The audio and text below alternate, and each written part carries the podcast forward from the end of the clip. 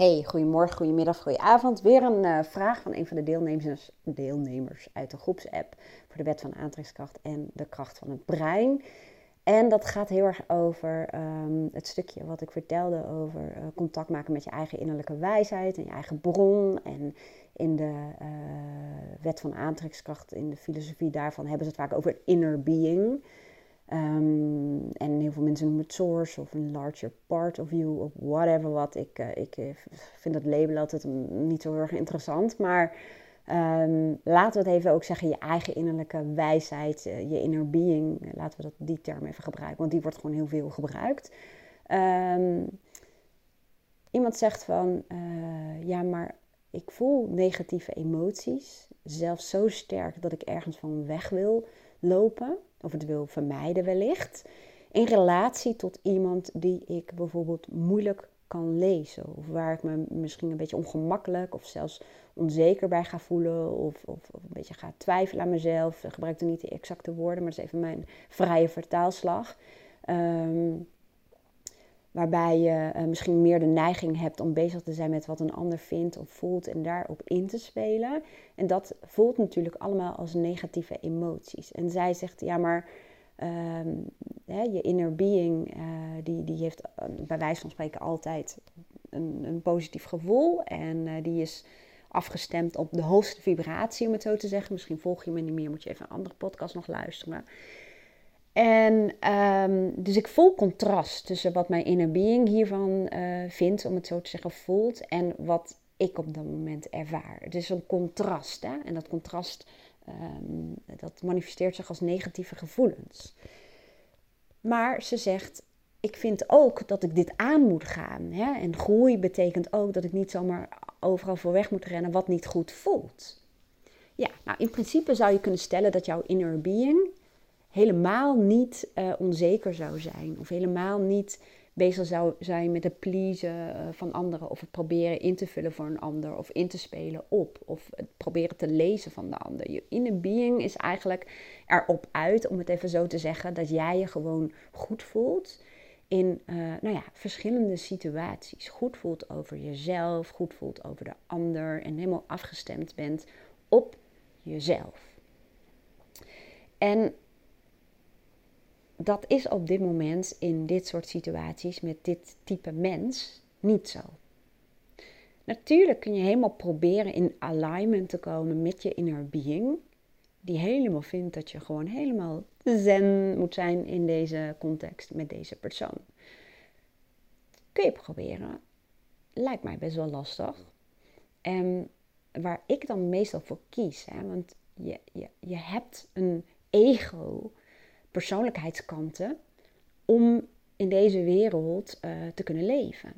En dit is feitelijk een uitdaging om met jezelf aan de slag te gaan, om ongeacht hoe de ander is, ongeacht hoe de ander doet, ongeacht wat de ander vindt, om toch trouw te gaan zijn aan jezelf en om een manier te vinden of manieren te vinden om daarmee om te gaan die goed is voor jou. Waarbij je dus als uitgangspunt neemt. Het is belangrijk wat mijn behoeften zijn, wat ik wil, hè, hoe ik me wil voelen in deze context. En uh, het is belangrijk om je te realiseren dat, dat die invloed ook alleen maar bij jou ligt. Nou, dat weet je natuurlijk ook allemaal wel, dat snap ik ook. Um, hier combineer ik vaak voice dialogue. Hè, want dit, uh, en communicatieskills. Ik werk ook heel veel met communicatieskills, want dit gaat ook over uh, ten eerste kijken wat voor persoonlijkheidskant of kanten zijn actief in deze situatie. Dat kan een kant zijn die heel graag de harmonie wil bewaren. En harmonie kan ook zijn in jezelf of en tussen jou en die persoon. Misschien een pleaser, misschien een onzeker deel. Dus ga voor jezelf ook eens naar welke delen zijn actief in deze situatie. En welke delen heb je nog meer en die zouden jou misschien meer kunnen dienen. En dat kan zijn zelfvertrouwen, überhaupt vertrouwen, zelfverzekerde kant. Um, je autonome kant. Autonome kant betekent dat je heel erg op jezelf koerst, ongeacht wat een ander vindt of denkt. En dat je daar respect voor hebt en dat je daar nieuwsgierig naar bent, maar dat je trouw blijft aan je eigen waarden en je eigen visie. En die twee kunnen gewoon naast elkaar bestaan. Trouw zijn aan jezelf en contact hebben met de ander. Dus kijk met welke andere delen jij misschien in zo'n situatie kunt gaan deelnemen, om het zo te zeggen. Dat zorgt voor groei.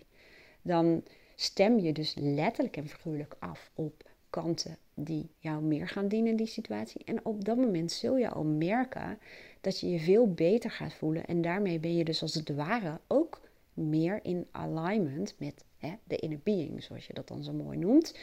Ehm, en je hebt eigenlijk een bepaalde methodiek ingezet om dat te kunnen bereiken. En, of een strategie, hoe je het wil noemen. En een strategie is bijvoorbeeld inderdaad om het te vermijden, om ervan weg te rennen. Dat is ook een strategie, alleen dat is meestal uh, ja, niet zo'n hele effectieve strategie en je blijft rennen. En het helpt inderdaad om dit soort situaties als het ware aan te gaan en een andere strategie te verkiezen dan A wegrennen of B je te gaan conformeren aan de ander. Hè, om zo'n bepaalde harmonie te hebben. Want dat is vaak wat we doen. Dat we afstemmen op de ander. Proberen te anticiperen op wat de ander zo mogelijk zou kunnen denken. Zodat jij als het ware veilig bent. Maar het gaat erom dat je in de eerste instantie die afstemming zoekt bij jezelf. Dus ja, nou ja, dat is een beetje zoals ik dit soort situaties uh, aanga. En ik zal je daarvan een voorbeeld geven. Ik zat uh, vorige week, geloof ik, zeg ik dat nou goed? Ja, zat ik in een andere locatie te werken van een collega-coach. En dat is in een uh, gebouw met allerlei andere ondernemers. En ik zat op een gegeven moment in haar kamer en ik was ook met mijn website bezig, dus de sessies door. En ik voelde dat er een soort conflict in mij ontstond. Ik voelde dat het heel comfortabel was om lekker in dat hokje te blijven zitten. En er niet meer uit te komen. Totdat ik weg zou gaan. Alleen even weer gauw koffie en thee halen, bij wijze van spreken. En uh, dat gaf me, ja, dat is een heel comfortabel gevoel. Maar ik, tegelijkertijd voelde ik al wel dat dat meer vermijden was. En lekker veilig, een comfortzone. Maar in mij voelde ik ook het verlangen om op pad te gaan. En mensen uh, aan te spreken en om gesprekken te voeren. En dat is ook een kant van mij die, die belangrijk is. En ja, dat voelde als het ware letterlijk en figuurlijk uit de comfortzone. Dus uit uh, de praktijk van haar komen, de gang op gaan en uh, ja, met mensen in gesprek gaan die ik niet ken. En op dat moment heb ik ook gedacht: oké, wat is er nu voor kant? Die wil mij gewoon veilig houden. En uh, voor hetzelfde geld zitten die mensen helemaal niet op te wachten dat ik met iedereen ga lopen lullen. Toen heb ik gedacht: oké, met welke kanten kan ik bij wijze van spreken naar buiten treden? En die heb ik als het ware geactiveerd. En ik ben inmiddels natuurlijk al redelijk ervaren hierin. Heb het zo vaak gedaan. En hoppa, ik voelde ook meteen een bepaalde energie door me heen stromen. En ik ben uh, naar buiten gelopen. En ik heb echt hele leuke gesprekken gehad. En ik ben al uitgenodigd om een keertje langs te komen. Ook bij hun bedrijven. En ik voelde me helemaal in mijn element. Het gebouw heet ook het element. Dat is dan wel heel grappig trouwens. Maar ik voelde me helemaal in mijn element.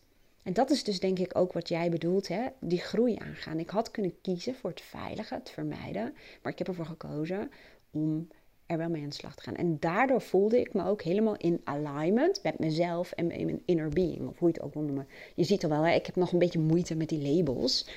Um, ook omdat ik er niet van hou om dingen um, uh, te benoemen als dit is het. Hè? Het is ook een beetje voor jezelf zoeken. Wat past nou het beste bij je? En ik merk bij mezelf dat ik dat zelf ook nog niet helemaal uh, weet. Ik, uh, wat nou een goede term is. En soms varieert dat per situatie. Dus dat geeft hopelijk wat antwoord uh, op jouw vraag. En dan misschien tot slot ter afronding. Um, dat is ook zoals ik er naar kijk. Dat, dat we hier alles in het leven, alles in de natuur zoeken naar evenwicht en naar groei. En groei is voor iedereen anders. En groei heeft ook een bepaalde associatie. Dat je altijd maar moet groeien en ontwikkelen. Nee, dat is helemaal niet waar het om gaat. kijk maar naar een, een, een, bloemetje. Die hoeft niet alle bloemetjes in te halen om de allergrootste te worden. Nee, maar een bloemetje is wel gericht op groei. op expansie noemen ze het ook wel eens. Maar op groei en naar het licht toe groeien. En het staat niet stil. Het is altijd in beweging. En voor de een die verlangt naar grotere, snellere beweging dan de ander. Maar in feite is alles gericht op groei. En daarom kun je inderdaad kiezen voor de vermijdingsstrategie of inderdaad de groei aangaan. En dan wil ik nog één ding ook nog zeggen. Want ik las in jouw app iets van dat je het aan moet gaan of aan zou moeten gaan. En dit is ook heel vaak het werk van een innerlijke criticus die dat vindt en die dat als het ware tegen jou zegt.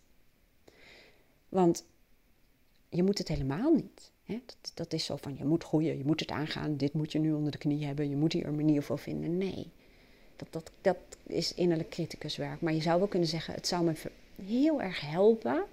Het zou veel het zou verlichting geven en opluchting als ik een manier zou kunnen vinden om mij goed te voelen over mezelf, over de situatie, over de ander.